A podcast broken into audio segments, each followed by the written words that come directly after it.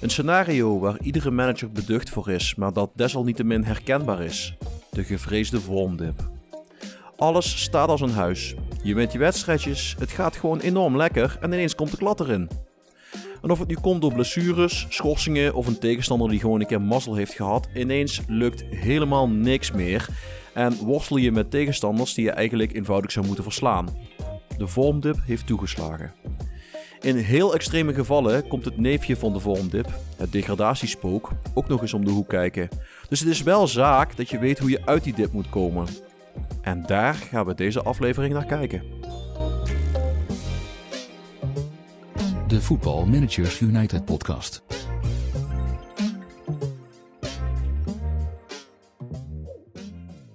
Hallo lieve luisteraars en welkom bij alweer een nieuwe aflevering van de Football Managers United podcast. Mijn naam is Guido en vandaag zijn Erik en Len de paniekaankoop en interim manager bij mijn gewenste wederopstanding. Dankjewel. Dankjewel. Goedemiddag. Ja, eh, nou ja, jullie mogen zelf uitvechten wie de paniekaankoop en wie de interim manager is. Eh, ik ga me daar lekker niet mee bemoeien. Ehm, Ja, ik, het voorstellen is eigenlijk ook niet echt nodig, want we, we werken, we beginnen echt met een vaste cast te werken zo. Dus we gaan, eh, we gaan, gelijk, naar de, we gaan gelijk naar de save games toe.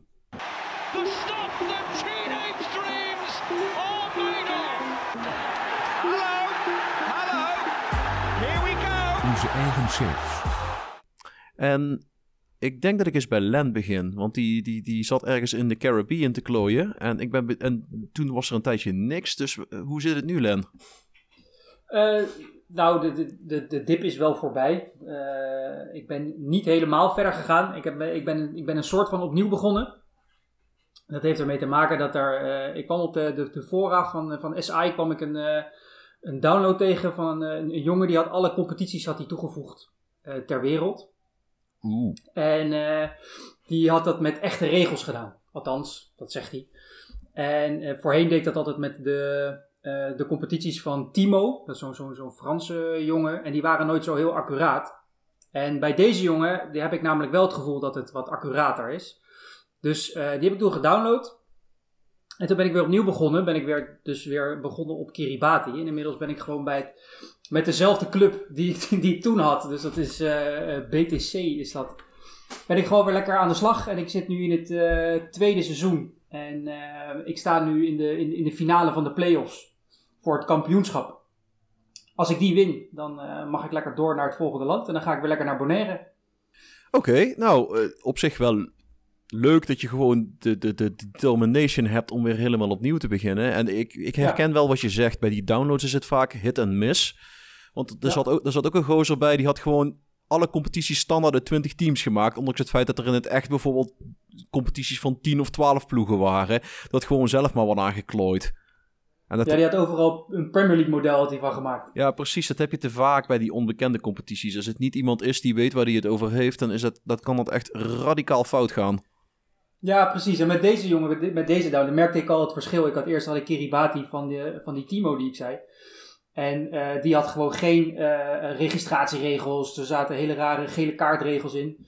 En ik merk nu al dat je, eh, je mag maar een x-aantal buitenlanders hebben. Nou is de kans dat je een buitenlander op Kiribati tegenkomt natuurlijk niet zo heel groot. Maar dat soort dingetjes heeft hij er al in zitten. Nou, dat, dat maakt mij al duidelijk, of in ieder geval blij dat ik... Ja, eh, dat het iets accurater is dan die andere. Ah, je weet nooit of je iemand uit Tuvalu of uit Tonga zover krijgt of die niet toch even naar Kiribati wil komen. Maar ik, ik schat inderdaad niet dat je heel veel Brazilianen of Argentijnen daar gaat tegenkomen. Nee, nee, ja, in in de vorige keer had ik die eh, Mexicaan van 40 die ik toen eh gecontracteerd heb. Maar die, die zie ik nu niet komen. Zonde. Zonde, zonde, zonde. Eh, maar dan gaan, we, dan gaan we naar Erik toe. Ja. Hoe gaat het met je save? Eh, ja, redelijk. Ik heb niet zo heel veel meer gespeeld sinds de laatste keer. Eh, ik was bezig op de Faroe-eilanden. Eh, met, ja, met 07 Vestour. Ik was dan gepromoveerd. En dan het eerste jaar was ik, was ik net tweede geworden. Ehm, dan, ja, wat ik de vorige keer vertelde, had ik een, een verschrikkelijk slecht voorseizoen gehad. Met ja, lange blessure voor een belangrijke speler. En, en verder een paar, paar goede talenten, een paar goede spelers verloren. Eh, een van mijn sterspelers die met pensioen ging. een van de anderen die, die eigenlijk ja, bijna te oud is om nog, eh, nog fatsoenlijk eh, rond te rennen op een veld. Dus ja, het is heel moeilijk. Eigenlijk ben ik, ben ik er zwakker op geworden. En dat is ook, ja, ik heb nu een, een halfjaartje gespeeld. En, en het is ook wel te merken dat we, dat we het moeilijker hebben. Dus wat dat betreft, deze, deze aflevering gaat wat dat betreft misschien nog wel helpen. Dat ik, dat ik nog wat inspiratie op doe. Maar eh, ja, voorlopig, eh, het is een beetje wisselvallig. We staan, we staan vierde, maar eh, de eerste vier teams staan, staan vrij dicht bij elkaar. Dus er kan nog van alles gebeuren. Ehm, ik ben een beetje anders gaan spelen. Ik, ik ben zelfs eventjes strikerless gaan spelen. Oeh. Ja, en ja, plots blijkt dat we, dat we dan wel heel mooi kunnen voetballen. Ehm, maar eh, het, het blijft wel redelijk wisselvallig. Dus eh, ik moet nog eventjes kijken eh, hoe dat we het, ja, de rest van het seizoen gaan aanpakken. Ja, de luisteraars kunnen dat niet zien. Maar toen hij zei met strikerless kun je mooi voetballen, ik ging wel echt spontaan glunderen. Ja, ik, dat, je zit precies in een donkere kelder, maar het, het werd een stuk lichter daar. ik ben ook een lichtend voorbeeld als het daarom gaat. Nee. Slecht, slecht, slecht, slecht. ja, we nemen op op een vrijdagmiddag, dan mag zoiets. Eh, eh, volgens, voor, voor mijn gevoel mag dat al die andere dagen van de week ook gewoon. Ik doe daar niet moeilijk over. Nee, in, eh, in mijn eigen save, saves moet ik zeggen, meervoud. Ik heb met eh, Bosnië heb ik het WK van 2000, eh, sorry, het EK, EK is dat van 2032 gespeeld. En eh, na het EK heb ik ook ontslag genomen, want ik heb het gewonnen. En dat is met, met zoveel mazzel geweest. Ik denk dat gaan we nooit meer kunnen. Dat, dat, dat lukt nooit nog een keer. Dat gaan we niet kunnen repliceren. Dat, dat gaat echt fout. Want in de eerste ronde eh, allemaal telkens met één doelpuntje verschil gewonnen. 2-1 gewonnen van Duitsland. 2-1 gewonnen van Frankrijk. En dan 1-0 gewonnen van Roemenië. En in de knock-out fases ook telkens of met één doelpunt verschil of naar penalties gewonnen. Waarvan ik denk, nou, dat is kei leuk. Maar dat gaat vroeger of later gaat dat een keer fout. Eh nou heb ik er toevallig de finale mee gewonnen. Waarin mijn keeper vlak voor tijd nog een penalty eruit houdt. Waarvan ik denk, nou, ik denk dat het beter is om ontslag te nemen. Want dat gaat het volgende toernooi niet nog een keer lukken. En de verwachtingen zijn ineens wat hoger gespannen. Dus ik denk, ik neem ontslag en ik zie wel wat er, eh, wat er weer op mijn pad komt. Maar ook, ja, heb- hebben jullie dat nooit dat je als je eh, een penalty tegenkrijgt, dat je bij wijze van spreken aan de aanloop van de speler al kunt zien of die raak gaat schieten of niet? Dat denk ik vaak wel, ja. Ik, ik, heb, ik heb altijd het gevoel dat ik aan de animatie vaak al kan bepalen eh, of die hem erin gaat trappen of niet. En, en Ja. Ik, ik kwam laatst ergens een, eh, op Twitter was dat een bijgeloofje tegen van iemand die dan met zijn muis op het hoofdje van de speler drukte. Dat hebben we in een eerdere aflevering ook al eens besproken. Ik heb het nou geprobeerd en hij heeft toevallig misgeschoten. dus dat is, dat is 100% toeval, dat kan, dat kan gewoon niet anders. Maar eh, ik blijf het wel leuk vinden, dat soort dingetjes. Ehm, ik heb wel met, met Bosnië een, een, een, een asymmetrische strikerless ta- tactiek gaan spelen. Ehm 4-3-3, maar dan asymmetrisch. Dus eh, op het middenveld met een rechtshalf en twee centrale middenvelders. En dan voorin met een linkshalf en twee centrale aanvallende middenvelders. Dus het ziet er heel raar uit. als een soort eh, slangbeweging. Maar ja, het, het werkt wel als je er de juiste spelers voor hebt. Dan heb ik op linksbuiten een speler die wat meer behouden speelt. En op rechtshalf een speler die juist wat meer doorstoot, waardoor je een soort 4-2-4-achtige opstelling krijgt. Eh, nou ja, het, het werkte toevallig voor de spelers die ik had. En eh, dat is eigenlijk wel een mazzeltje. Eh, de tweede save die ik speel is de estafette save, waar Koen in het verleden ook deel van heeft uitgemaakt. Wij zijn inmiddels in Afrika beland bij Cape Town City FC of Cape Town United FC. Moet ik heel even kijken hoe die club eigenlijk ook alweer heet. Cape Town City FC. Nou ja, in ieder geval, we zijn daar aanbeland. Eh vorig jaar zijn we kampioen geworden, maar dat was niet dankzij mij. Ik heb eigenlijk halverwege de competitie overgenomen. En halverwege de competitie stonden wij op een eh, gedeelde tweede plek. Ik heb er nou drie maandjes op zitten en we zijn naar de eerste plek in de DSTV Premiership gestegen. En ik mocht de laatste paar groepswedstrijden van de Afrikaanse Champions League spelen. Waarbij ik denk, nou ja, dat is altijd een beetje afwachten. Want wat zeggen die resultaten nou? Ik won bijvoorbeeld met 11-0 uit bij Enugu Rangers uit Nigeria. Ik denk, ah, ik ben keigoed. Maar toen bleek dat diegene die voor mij gespeeld heeft, die had er gewoon ook met 8-0 van gewonnen. Dus nou, zo goed was, zo goed was het helemaal niet. Ehm, we hebben wel met 6-0 gewonnen van Al Achli, waarvan ik denk, nou dat zegt wel wat. Die hebben de competitie een aantal keren gewonnen. Ik heb eigenlijk heel weinig echte aankopen gedaan. De meeste aankopen die ik gedaan had, die waren eigenlijk al min of meer klaargezet door mijn voorganger. Die zei, deze contracten lopen af en deze jongens moet je halen. Dus dat heb ik heel netjes gedaan. Een paar spelers verkocht. Uh, om de een of andere reden vinden Chinese clubs Afrikaanse spelers helemaal de shit. Nee, ik heb geloof ik voor 8, 8 miljoen aan spelers verkocht naar China toe. Vanuit de Zuid-Afrikaanse Premier League. Wat ik best een hoog bedrag vind. Uh, ik klaag ook niet. Uh, ik heb wel één of twee uh, vage buitenlanders gehaald. Ik heb, het zijn trouwens new gens, dus op zich die namen, dat zegt jullie waarschijnlijk allemaal geen ene reet.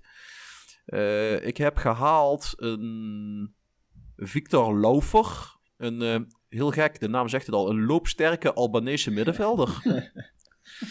um, ja, what's zijn name? Ik vind dat dan grappig. hij kan heel hard lopen.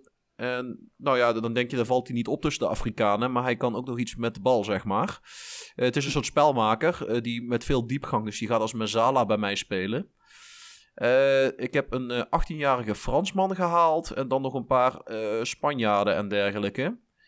Dus ja, ik ga wel zien wat, wat er van gaat komen. Uh, ik speel toevallig met spits in deze save, omdat mijn voorganger had de selectie ingesteld om met spits te gaan spelen. Dus dan ben ik niet zo kinderachtig om te zeggen, nou dan ga ik lekker alle spitsen verkopen. Dat, uh, dat vind ik kinderachtig, dus dat gaan we niet doen. Dus dat loopt eigenlijk wel. En dan hoop ik eigenlijk deze week die estafette save weer af te ronden, zodat ik verder kan gaan met Altinordu. Want daar heb ik eigenlijk ook wel zin in. Uh, ik heb in de vorige aflevering gezegd dat wij per ongeluk de Europa Cup gewonnen hebben. niet de Champions League, maar Volgens mij is dat dan de. Um, niet de Conference League? Ja, gewoon de, de Europa League dus inderdaad. Ja. Uh, een beetje gezwijnd daar. Uh, wat best wel een terugkerend thema is de, in deze fase van de save. zeg maar, als het balletje dan net verkeerd valt, dan kom je ineens in een vormcrisis terecht. En als hij net iedere keer goed valt, dan pakt het net goed uit. En ik denk dat dat een, een, een mooi bruggetje is naar het thema van deze week. It's just the most extraordinary scenario you could have dreamt of. The unthinkable unfolds before our eyes. Het thema van de week.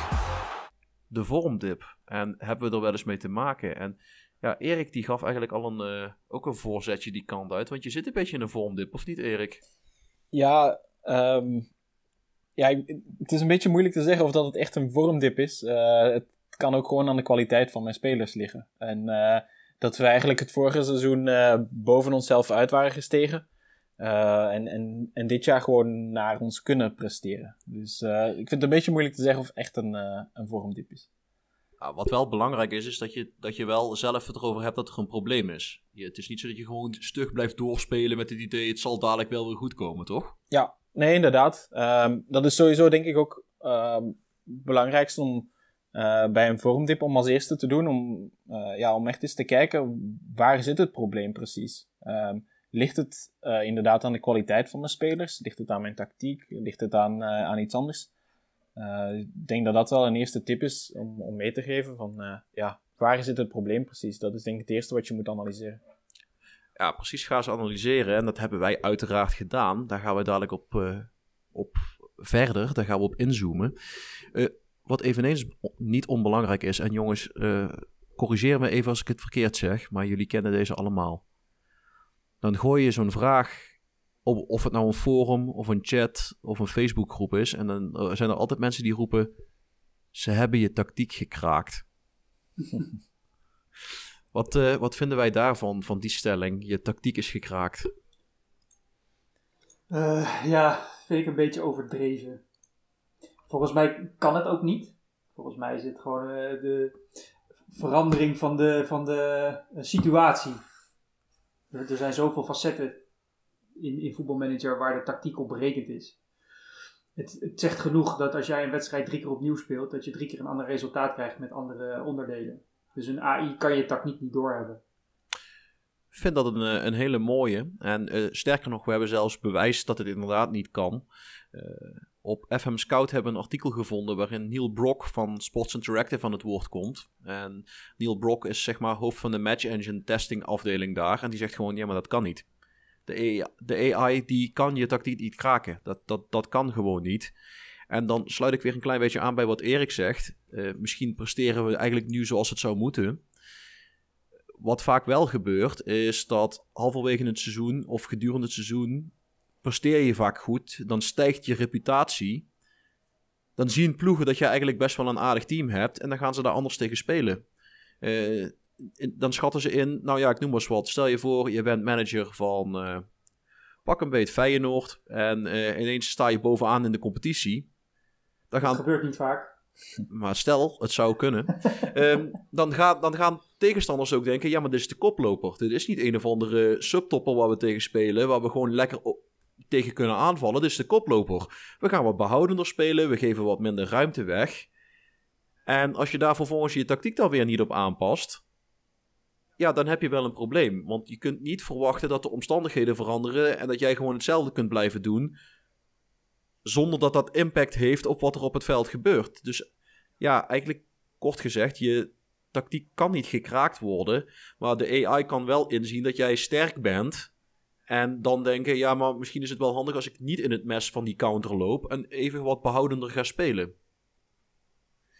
Ja, ja inderdaad. Het enige, denk ik, uh, dat je kunt zeggen dat je tactiek misschien gekraakt is, om het zo te zeggen, uh, is wanneer dat er een, uh, een patch is geweest met een match, match engine update.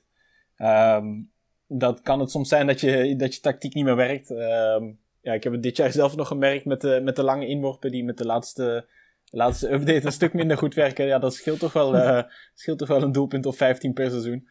Ja, daar uh, moet ik er wel ook heel eerlijk bij zijn. Het was ook wel echt heel hard nodig dat ze dat, ze dat eindelijk repareerden.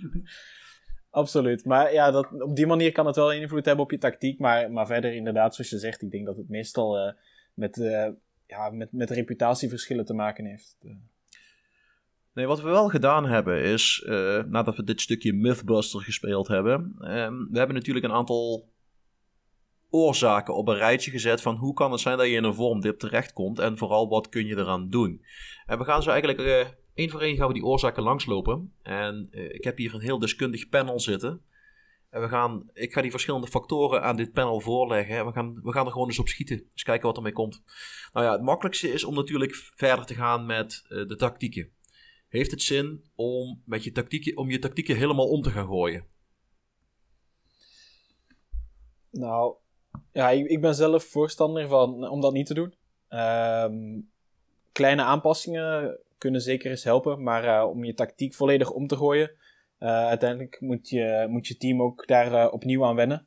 Um, dus ja, dan, dan kost het weer extra tijd.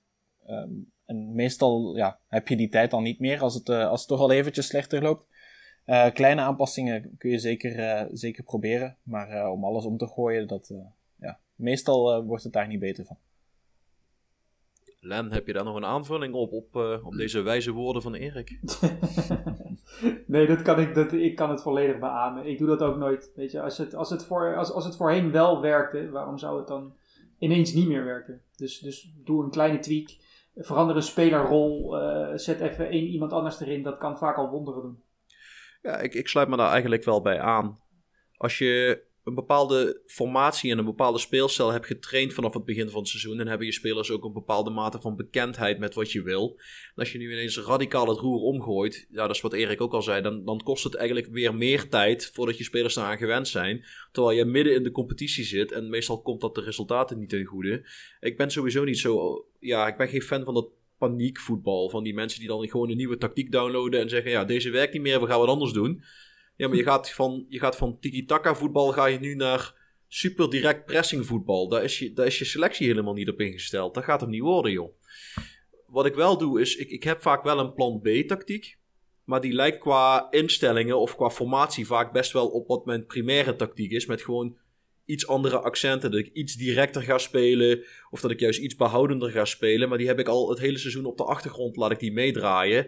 Dat als ik het gevoel heb dat als ik iets moet veranderen. Dat ik al een ja, een backup achter de hand heb. Die, die niet enorm afwijkt van wat, mijn, uh, van wat mijn hoofdplan is. Maar ja, dat is, dat is hoe, ik er, uh, hoe ik er tegenaan kijk. Het, eh, de tweede factor waar we naar moeten kijken als het gaat om de vormdip, en Erik stipte hem al aan, dat zijn de spelers. Laten we eerst eens kijken naar wat doen we met spelers roteren, jongens. ik, ik doe dat te weinig, eigenlijk. Ik ben iemand die graag vasthoudt aan een vaste kern. Nou, nou heb je op plekken op, zoals Kiribati heb je natuurlijk niet heel veel te kiezen, dus dan, dan word je een beetje gedwongen. maar ik ben wel iemand die graag vasthoudt aan een vaste kern, roteer veel te weinig. En ik heb vaak aan het einde van het seizoen dan de welbekende dip. Omdat ze gewoon op zijn, eigenlijk. Dus eigenlijk zeg jij, ik zou wat meer op de fitness van mijn spelers moeten letten. En zorgen dat ik ze fris en fruitig hou door ze af en toe zijn wedstrijdje rust te gunnen. Ja, precies. Maar weet je wat ik zeg op Kiribati? Er lopen drie spitsen op, op heel dat eiland. Uh, waarvan er twee bij mij zijn, zitten. En die kunnen er niet zo heel veel van. En mijn reservespits kan er nog veel minder van. Ik heb daar een oplossing voor, voor dat spitsenprobleem. Ja, ik, ik, ik, ik, kan, me, ik, ik kan hem redelijk invullen, ja. Maar dan, dan kom ik weer terug, want daarachter heb ik ook echt helemaal tien keer niks. Dus het, het maakt niet uit wat ik opstel. Het gaat helemaal nergens over. Nee, maar ik, ik, denk dat het wel handig is inderdaad om met name als je het gevoel hebt dat spelers, dat je in een vormdipje zit, dat je in ieder geval kiest voor spelers die topfit zijn, om die eens een keer een kans te geven. Uh, Erik, hoe zit jij in de wedstrijd als het gaat om het roteren van je spelers? Ja, ik ben iemand die, die juist heel veel roteert. Ik, ik, kan er niet, niet tegen dat, ehm, dat een speler. Ja, eigenlijk begint bij mij nooit een speler die ook maar iets vermoeidheid heeft. Ik, speel, ik speel alleen maar met fitte hm. spelers. Dus ik, ik roteer vrij veel. ja, zeker bekerwedstrijden speel ik meestal met, met 10 of 11 nieuwe spelers. Um, ja, dat is dan een beetje bijgeloof tegenwoordig dat ik altijd maar met 10 andere spelers speel en nooit met 11. maar ehm, ja, ik, ik roteer eh, enorm veel. Oké, en, zijn er dan nog speciale dingen waar je op let om een speler te roteren? Of is het gewoon, nou, die heeft al gespeeld, deze nog niet, en dus gooi ik hem erin? Ja, um, wat ik zeg, ja, het is nu, uh, zie je die percentages van de fitheid niet meer. Vroeger was dat gewoon als een speler onder de 94 zat, dan, uh, dan speelde die niet. Uh, nu is het als het, als het hartje niet meer helemaal groen is, dan, dan speelt hij niet volgens mij ligt het cut-off point, als je het in, in, in, getalletjes zou moeten uitdrukken, dan volgens mij rondom de 90%. Als hij onder de 90 duikt, is het niet meer helemaal groen. Ja, dat zou kunnen. Maar dus ja, in de, ik, bij mij moeten ze echt heel, heel fit zijn. Dus uh, hiervoor was het echt, uh, moesten ze boven de 94 zijn, anders speelden ze niet eigenlijk. Ja. Een, een strenge leermeester, onze Erik. Ja, ja ik, ik hou ook wel heel erg van om, om jonge talenten een, een kans te geven. Dus ja, die krijgen op die manier natuurlijk wel extra kansen. Daar zijn die bekerpotjes op zich wel goed voor, ja. Nou, nou als ik dan kijk naar hoe ik er zelf in zit, ja, ik vind het een, een, een, lastige om te zeggen. Want aan de ene kant heb je natuurlijk die automatisme. Je tactische overlay wordt dat bijvoorbeeld vaak weergegeven met groene pijlen tussen spelers. Wat betekent dat ze gewoon enorm goed samenwerken. Nou ja, zeker als je in een vormdip zit, dan moet je vooral niet dat soort, dat soort tandems of dat soort koppels uit elkaar gaan halen, want daar heb je juist wat aan.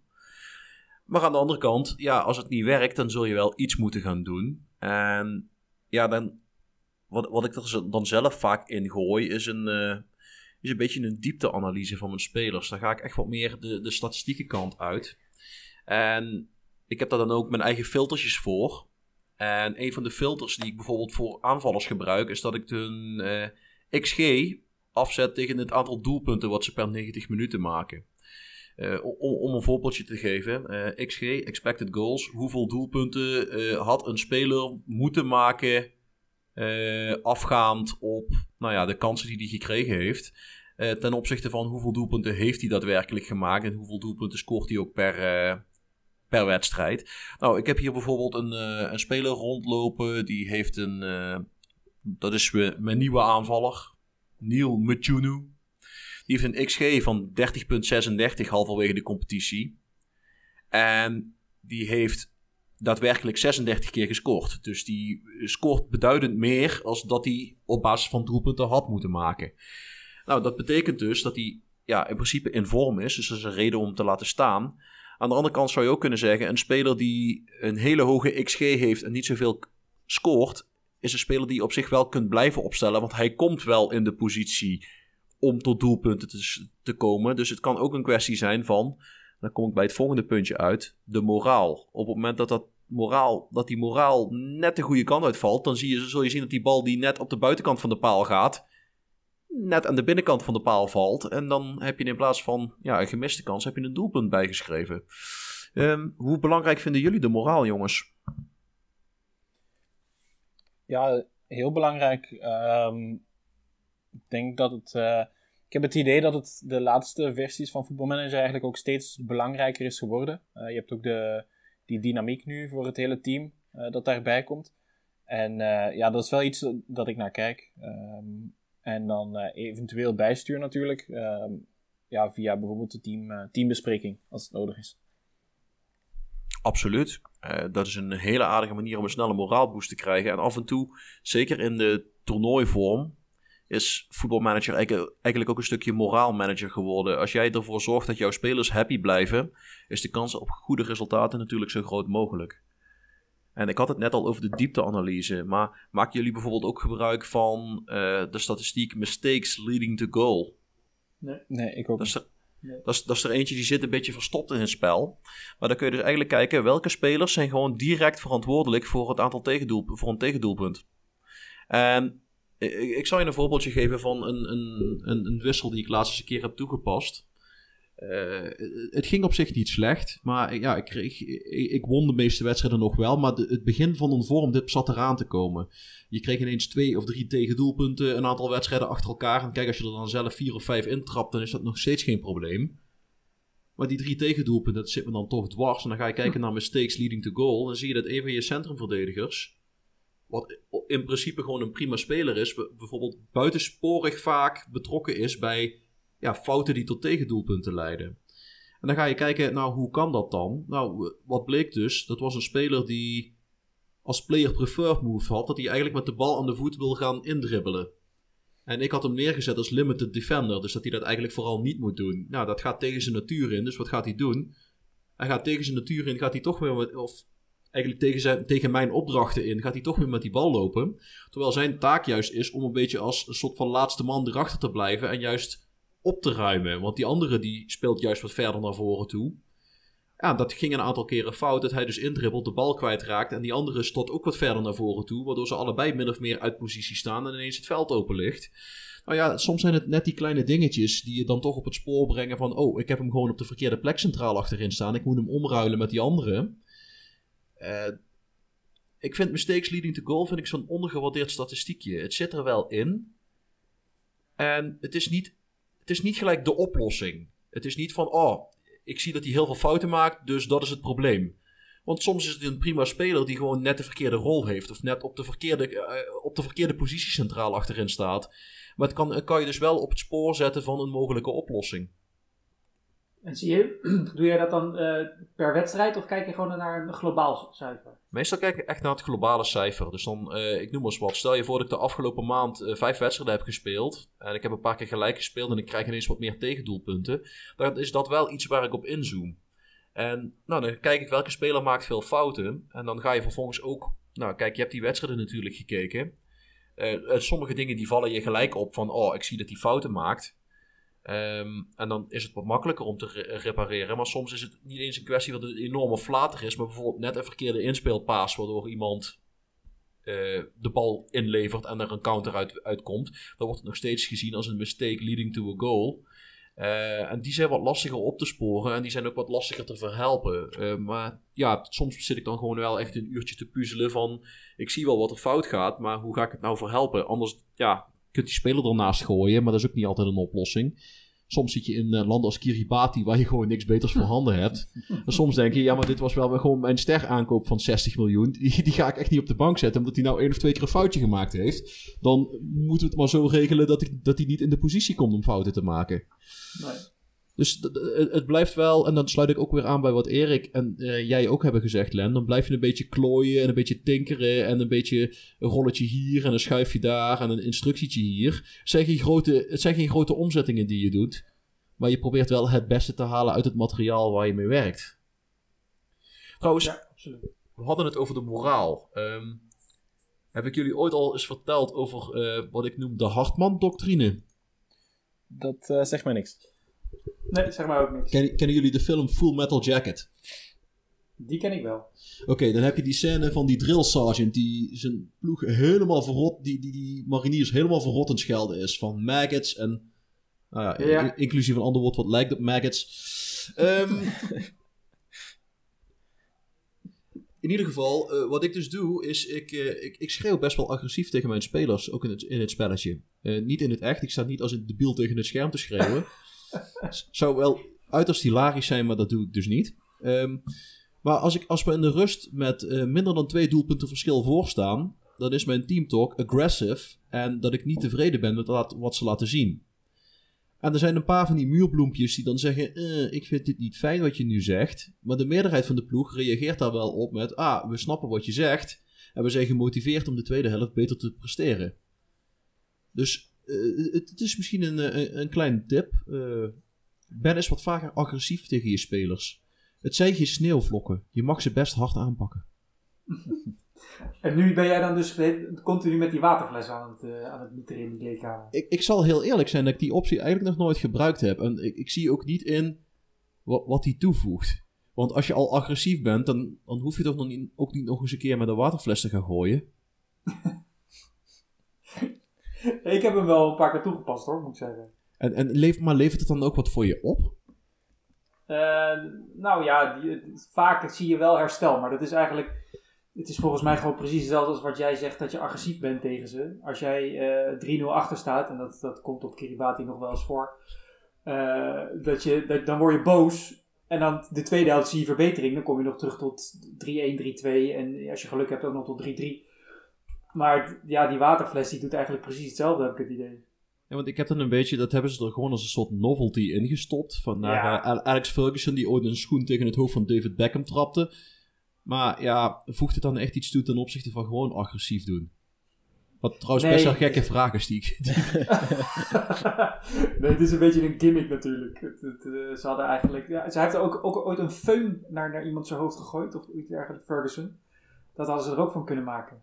Ja, en ik, ik weet dat in de Ajax-kleedkamer heeft, volgens mij was dat de Mido ooit een schaar naar het hoofd van Ibrahimovic gegooid. Ja, ook. Dus dat hadden ze ook kunnen gebruiken. Ja. Maar dan vind ik wel ook dat er ook een kans op blessures moet zijn bij zoiets. Als je dit te vaak doet, dat er een speler geblesseerd uitvalt.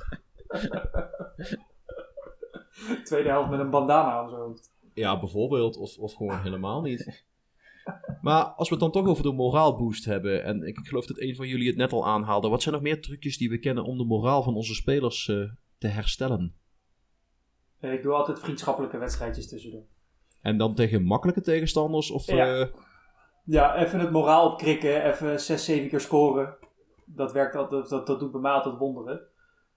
Dus nou, nou kan ik me voorstellen dat op de niveaus waar jij speelt, dat is gewoon het topniveau. Dus dat is, eh, jij speelt al denk ik al 80 wedstrijden per seizoen. te veel? Ja, dus dat, dan zal je niet zo heel veel ruimte hebben. Eh, op, op, de, op de eilanden en in de, regio's waar ik speel, speel je gemiddeld eh, 10, 15 wedstrijden per seizoen. Dus dan kun je er nog wel eens wat tussendoor hannessen. Maar bij mij werkt dat altijd wel goed. Weet je, even, even lekker 5-6-0 winnen. Even een beetje dat, eh, het goede gevoel meenemen. Ja, ja, dat die spits niet het gevoel heeft dat hij de, voetbal, dat hij de doos nog om de voetbalschoenen heeft zitten. Maar dat hij gewoon ook eens een keer een hat kan maken. Ja, nou precies dat soort dingen, ja. Ja, En Erik, je haalde daar straks het, eh, het onderwerp eh, Team Talks aan. Kunnen we daar ook nog wat mee? Eh, ja, je kunt, eh, als, als het slecht gaat, kun je een teamtalk doen. Ehm, dat is wel beperkt, denk ik. Je kunt het maar om de zoveel tijd doen. Eh, er moet echt een reden voor zijn. Ehm, maar eh, met zo'n teamtalk kun je wel, eh, ja, eigenlijk met, met twee, drie klikken, eh, het, eh, het moraal van je hele team eh, ja, omhoog krijgen. Of, of naar beneden natuurlijk ook, maar, maar liefst omhoog. Ehm, gelukkig zit daar, zit daar altijd wel advies bij ook van je, van je assistent. Van wat je best tegen ze kunt zeggen. En, en meestal, of ja, bij mij toch, meestal komt dat wel uit. Werkt dat wel. Dus ja, dat is er eentje die we uiteraard dus kunnen gebruiken. Je kunt de Team Talks gebruiken om de moraal te herstellen. Je kunt gewoon wat kanonnenvoer opzoeken en eh, gewoon eens voor een massaslachting zorgen. Eh, een manier die misschien wat minder voor de hand ligt, maar die absoluut werkt. En eh, opnieuw, ik ben benieuwd of jullie hem al kennen. Veel spelers hebben ontzettend gevoel voor humor. En dat betekent, zeker als je bij een kleinere speelt, dan moet je eigenlijk eens een keer gewoon een van de betere spelers van de wereld opzoeken. En dan een transfercommuniqué laten uitgaan van... hey, ik heb belangstelling in deze speler, ik wil hem halen. Eh, wat dan vaak gebeurt, is dat jouw spelers zeggen... Ha, wij snappen dat je een grapje maakt. We snappen ook dat je dit niet serieus meent. En je ziet een kleine stijging in de moraal. Kijk, dit kun je geen tien keer achter elkaar doen. Maar ja, dat ja, oranje pijltje wat ineens niet meer oranje wordt, maar nu nog maar geel is. Ja, dat kan misschien net het verschil zijn tussen de volgende wedstrijd die bal op de buitenkant van de paal of die bal op de binnenkant van de paal. Dus dat is er eentje die ik nog wel eens gebruik. Dat ik gewoon zeg, nou, weet je wat, ik, eh, ik zoek gewoon een van de beste spelers van de wereld op. En eh, ik declare interest als een eh, top target. Ik eh, doe een persconferentietje en mijn spelers vinden dat hilarisch. eh, op het moment dat ze dan zien van... hey, onze trainer heeft gevoel voor humor. Hij zegt gewoon dat hij Kylian Mbappé naar eh, Hongkong gaat halen. Oké, Die had ik nog nooit gehoord. Nee, die is mij onbekend. Nou, zo zie je maar. eh, je bent nooit te oud om iets nieuws te leren. ik ga direct iets eh, in de pers zeggen dat ik, eh, dat ik Denzel Dumfries naar de Faroe-eilanden ga halen. Misschien dat mijn rechtsback weer een beetje wakker wordt. Nou, je kunt het proberen. Je kunt het in ieder geval proberen. Ehm, als we het dan toch hebben over, eh, nou ja, moraal. eh, dan, we blijven wel in een spelershoekje hangen. Hoe denken jullie over, ehm, ja, ik ga het even noemen, de spelers met de Lucas Prato factor. Oftewel, geloven wij in paniek aankopen? Hmm, goeie vraag. Ehm, soms, soms wel. Soms kan het, eh, kan het, kan het, het elftal net even die, die, die, dat duwtje in de goede richting geven, denk ik. Maar dan, dan niet van het niveau Lucas Prato. Hoe heet hij? Lucas? Ja, Lucas Prato. Ik noem het even de, Lucas Prato. Ik noemde het even de Lucas Prato factor, omdat dat een eh, best wel bekende paniekaankoop dit seizoen geweest is. En deze heeft inderdaad, eh, nou, dat kunnen we vrij veilig stellen achteraf, Ja, niet zo goed uitgepakt. de beer van Argentinië was nog in winterslaap. ja, vooral dat hij op een gegeven moment eh, iets, iets erge blessure pakte, toch? Dat hij gewoon helemaal niet meer in actie kwam. Ja, dat hielp niet mee, maar die wedstrijd dat hij wel meedeed, was het eh, weinig beer en Ja, vooral is- beer in winterslaap of eh, Winnie de Pooh. De, de Ivan Gabric van Feyenoord. Oh ja, dat was er ook nog zo mooi hè. Dat was er ook zo een. ja. Angelos Charisteas. Ja, nou ook zo één. Ja. Nee, maar weet je, eh, een paniekaankoop, of in ieder geval een, aankoop op het allerlaatste moment. eh, als je kiest voor, voor, voor net even een andere persoonlijkheid, of, of bijvoorbeeld je hebt een jong team en je, je haalt een, een oud, eh, oude ervaren speler, dan kan het soms best wel positief uitpakken. Ja, dan moeten we er wel even bij zeggen, dat werkt natuurlijk wel alleen in de competities waar je je spelers niet hoeft te registreren. Namelijk, als jij spelers moet registreren en je haalt ze buiten het registratiewindow om, dan is het heel leuk dat je die oude rot erbij gehaald hebt, of dat jonge talent erbij gehaald hebt, of die hele snelle aanvaller. Maar als je hem niet kunt registreren, kun je hem ook niet opstellen. Eh, dus alle competities waarbij je spelers moet registreren, daar heb je helemaal geen ene reet aan paniek aankopen, tenzij je vormdip net samenvalt met een transferwindow. Ja. Maar ja, ik, ik heb het zelf wel eens gedaan. Met name als je in die kleinere competities speelt. eh, dat je denkt, nou, ik moet eh, binnenkort een hele belangrijke wedstrijd spelen.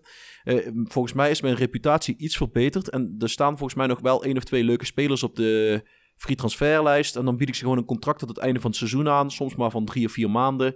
Dat ik denk, nou, weet je wat? als jij me dan helpt om die promotie te verzekeren, dan was het een goede transfer. En als jij me dan net helpt met de, hè, bij wijze van spreken, de André Ooyer-rol van rust in de kleedkamer. nou prima joh, dan heb je je, heb je, je taak gedaan. Eh, heb je je rol gespeeld, dan ben je van waarde geweest. Ik, ik, net als, eh, als wat Len zei, zet ik dan vaak wel in op ervaren spelers. Spelers die met name in mentaal opzicht iets toevoegen aan de selectie. En dan toch net zorgen voor net even dat beetje extra rust. Of eh, die niet zo snel door de ondergrens heen zakken. Dus ja, ik snap het wel. Ik noem dit, dat soort spelers zijn altijd mijn, eh, mijn ace in the hole. Oftewel, ineens tover je nog ergens een, eh, een, een troefkaart vandaan om, om nog in te zetten. Maar nogmaals, ja, dat werkt bijvoorbeeld niet in Spanje, waar je gewoon volgens mij in eh, eind januari moet je de selectie voor de tweede helft van het seizoen registreren. Dan kun je best nog wel een speler kopen, maar je mag hem niet meer inzetten. Is mij trouwens ook wel eens een keer gebeurd dat ik. Eh, wat was dat? Toen, was, eh, toen had ik gezien dat er een eh, 38-jarige Cristiano Ronaldo op de free transferlijst stond. Dat was wel een paar versies geleden al. En ik denk, ik haal die jongen gewoon. Dat is een garantie voor doelpunten. Eh, even geen rekening gehouden met het feit dat ik hem dus niet kon registreren tot het einde van het seizoen. En toen ging die lul met pensioen. Dus dat was gewoon een, eh een miljoenen salaris betaald voor een speler die daar gewoon lekker vakantie heeft kunnen vieren. Hij heeft misschien wel het goede voorbeeld gegeven op het trainingsveld. Ja, oké, dat misschien wel. Heeft hij alle blikjes cola weggezet eh, in de kantine of zo? Maar ik was er net zo goed niet zo... Het was gewoon een fout van mij. Ik, gewoon een hele domme fout. Maar ja, achteraf kan ik er wel om lachen. Ehm, hoe, hoe kijk jij daar tegenaan, Erik? Eh, ervaring of ga je voor de jonge honden?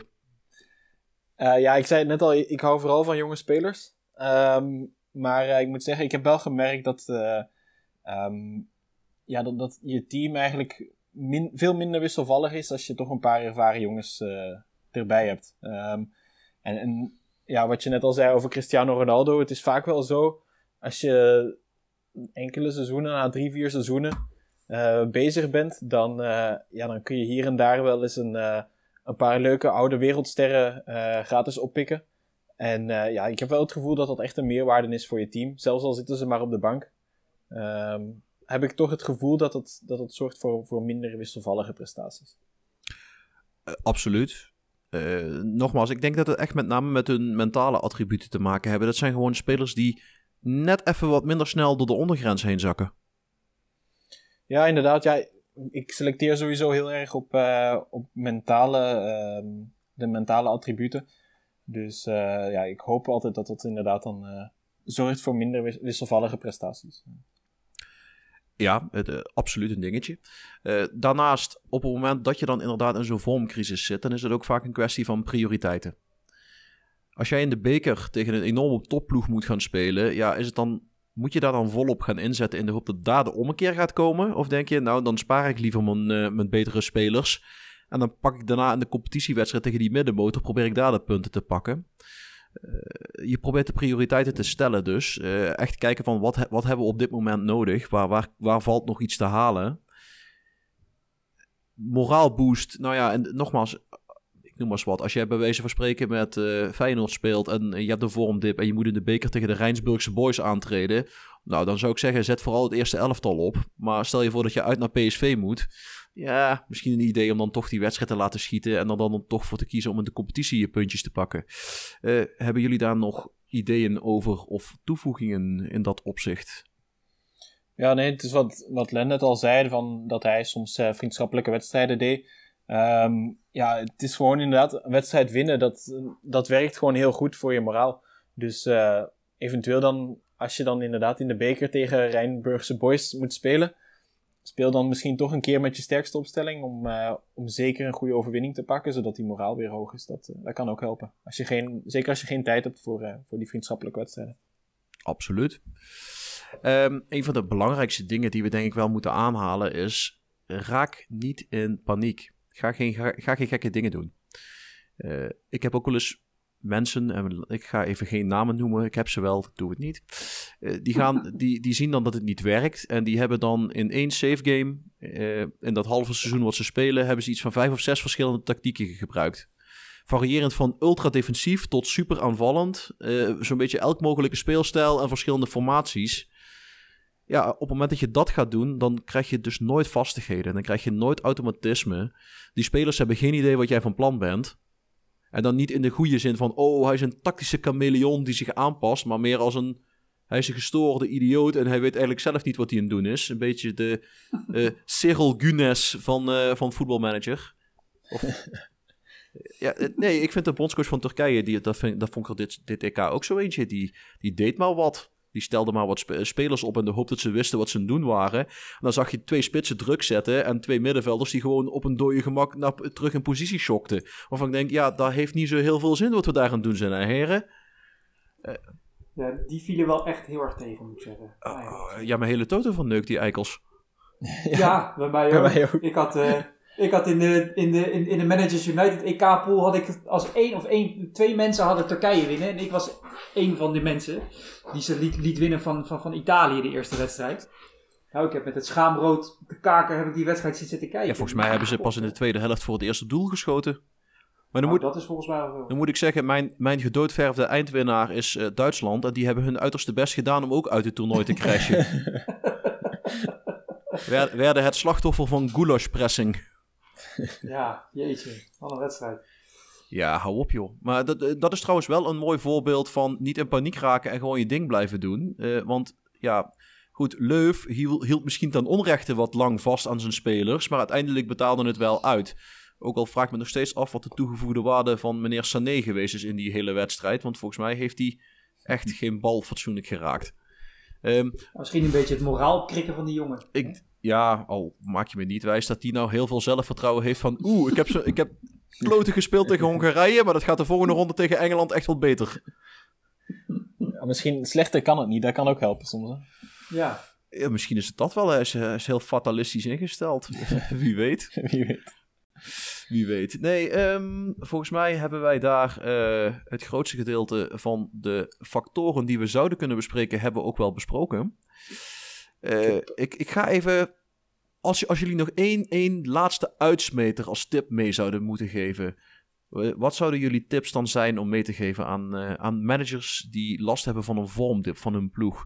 Erik, wat zou, wat zou jouw tip zijn? Ehm, ja, ik heb vooral nog een, misschien een originele waar, waar weinig mensen aan denken. Ehm, maar bij sommige mensen valt het ook op dat, dat de vormdip altijd op hetzelfde moment in het jaar valt. Ehm, dat kan met verschillende dingen te maken hebben, met vermoeidheden, met, eh, ja, als het na de transferwindow is, heb je misschien gewoon te veel nieuwe spelers gekocht.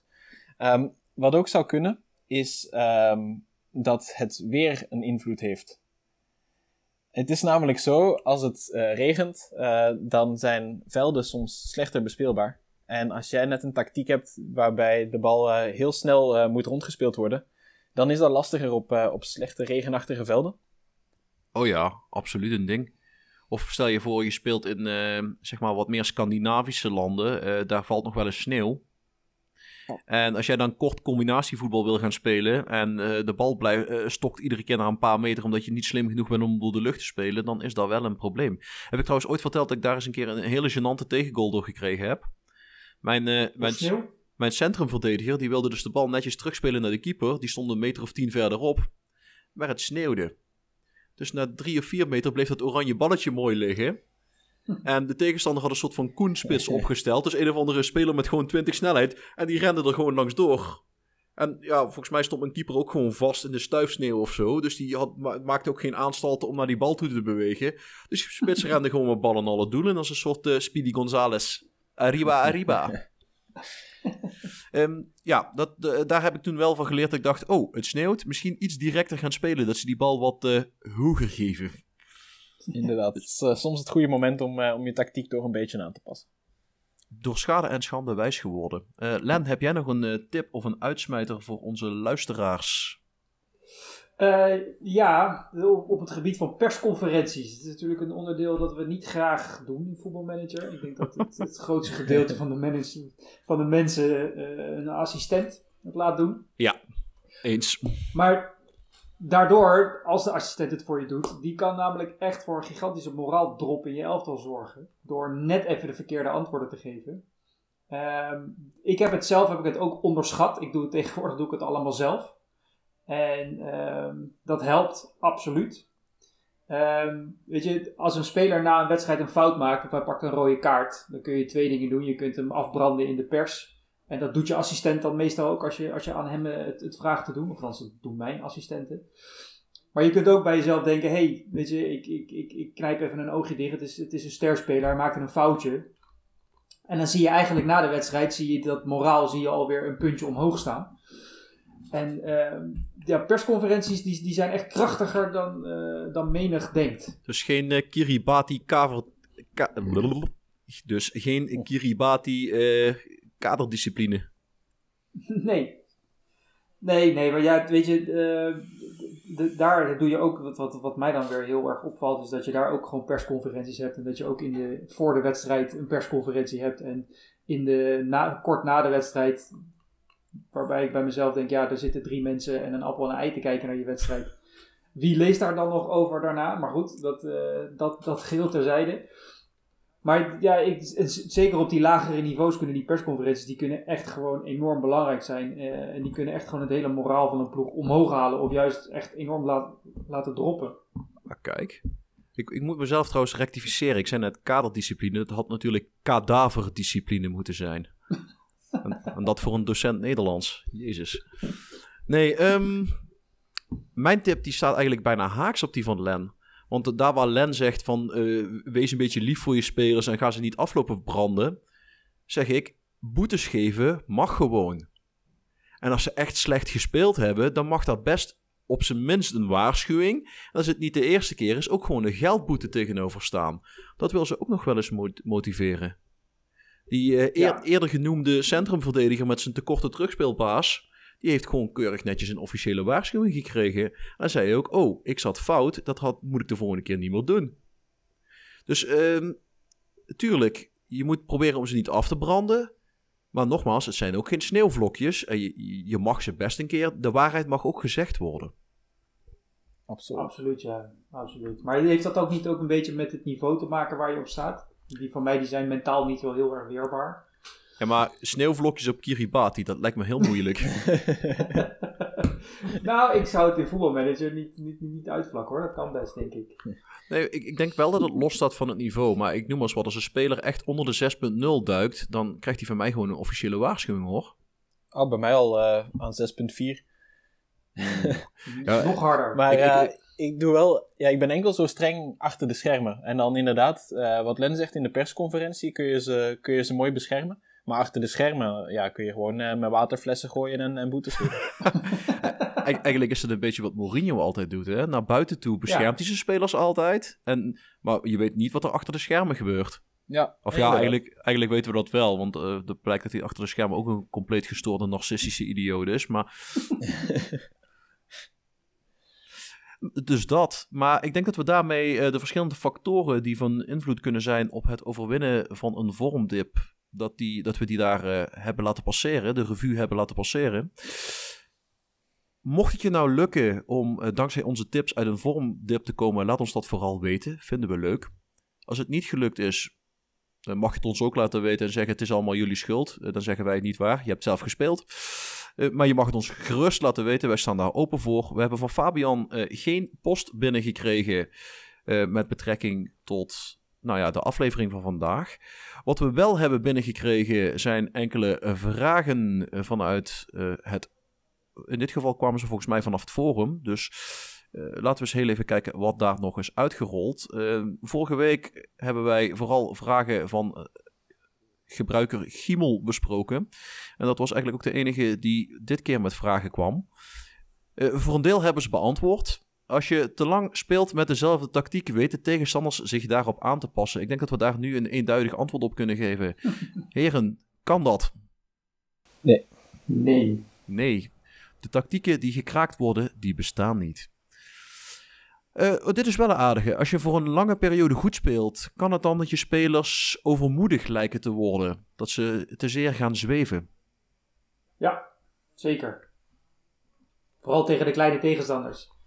Hoe vaak je, zie je niet langskomen op het forum of in een van de Facebookgroepen dat iemand, eh, wat is het, eh, twaalf wedstrijden op rij heeft gewonnen en dan thuis tegen de nummer laatst of gelijk speelt of verliest.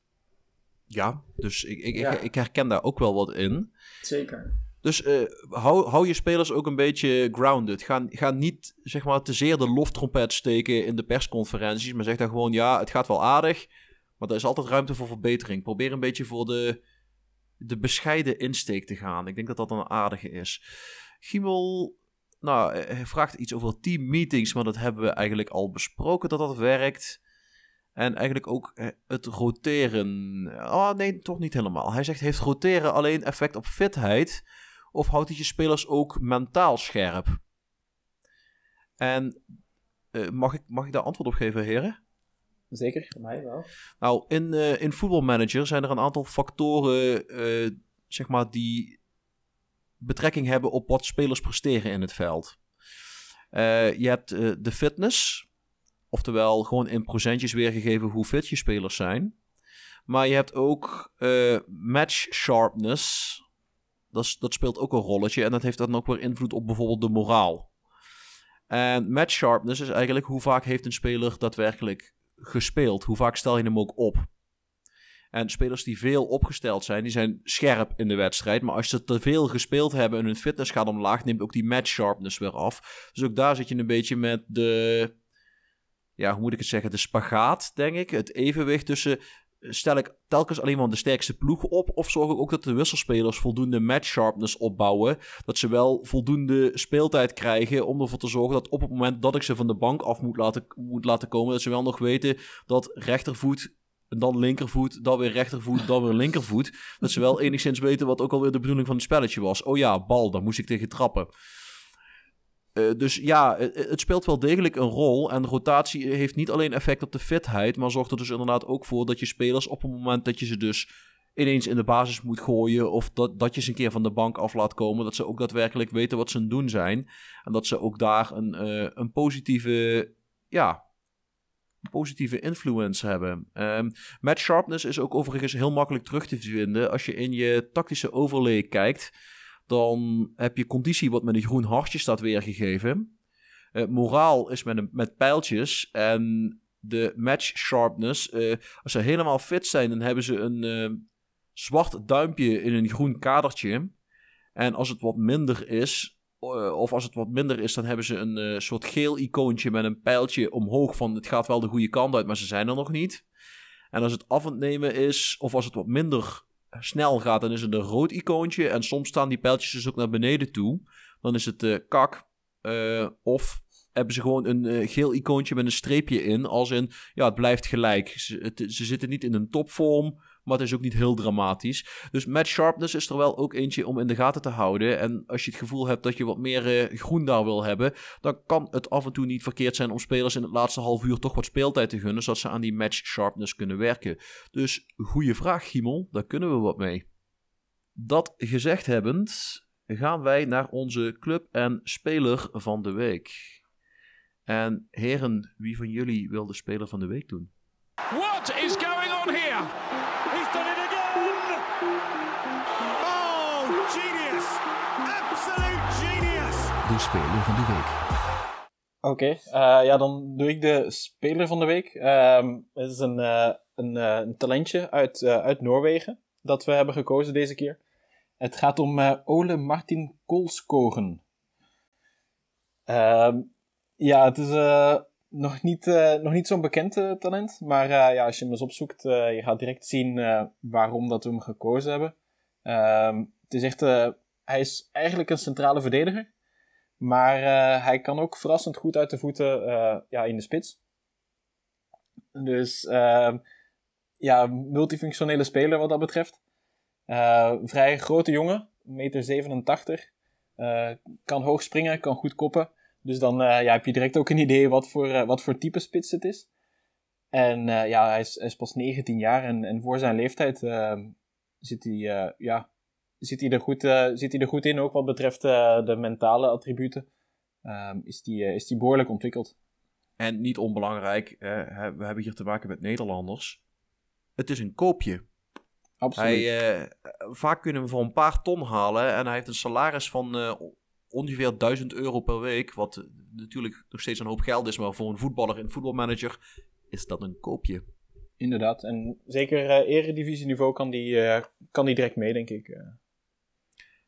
En dan gaan we naar de speler van de week. En nou, kom maar Len, je had een verhaaltje. Nou, je deed de club van de week. Oh, sorry, de club van de week, excuus, ja. Brilliant! Just brilliant!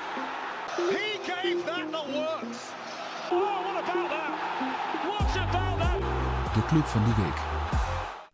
Ik rectificeer je even. Uh, live, uh, gewoon doen? Ja, doen we gewoon. Uh, nou, dat is Venetia.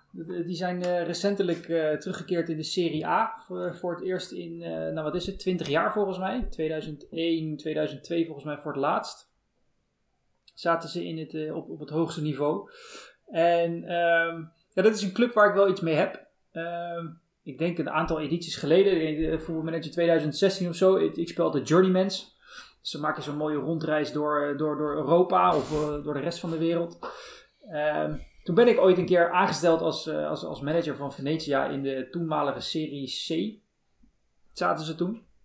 Ja. En uh, ja, dat was echt fantastisch. Ik was, ik was de hele tijd was ik op zoek naar een, club waar ik nou gewoon mezelf een beetje uh, in kon vinden. Ik had wat, wat, wat omwegen gemaakt in, in Noorwegen, Zweden. Ik was uiteindelijk een keertje bij, via een omweg ergens in de keukenkampioen divisie gekomen. En iedere keer werd ik na een half seizoen of na drie kwart seizoen werd ik eruit gepiepeld Dus ik was een beetje op zoek naar een club waar ik gewoon lekker stabiele, eh, eh, ja, een beetje stabiliteit kon vinden en mezelf als manager een beetje op kon werken. Toen kwam ik bij Venezia terecht. En ehm, daar ging het, het eerste seizoen ging het daar niet, nog niet zo heel erg goed mee. Eh eindigde ik volgens mij ergens net buiten de, de play-offs voor promotie.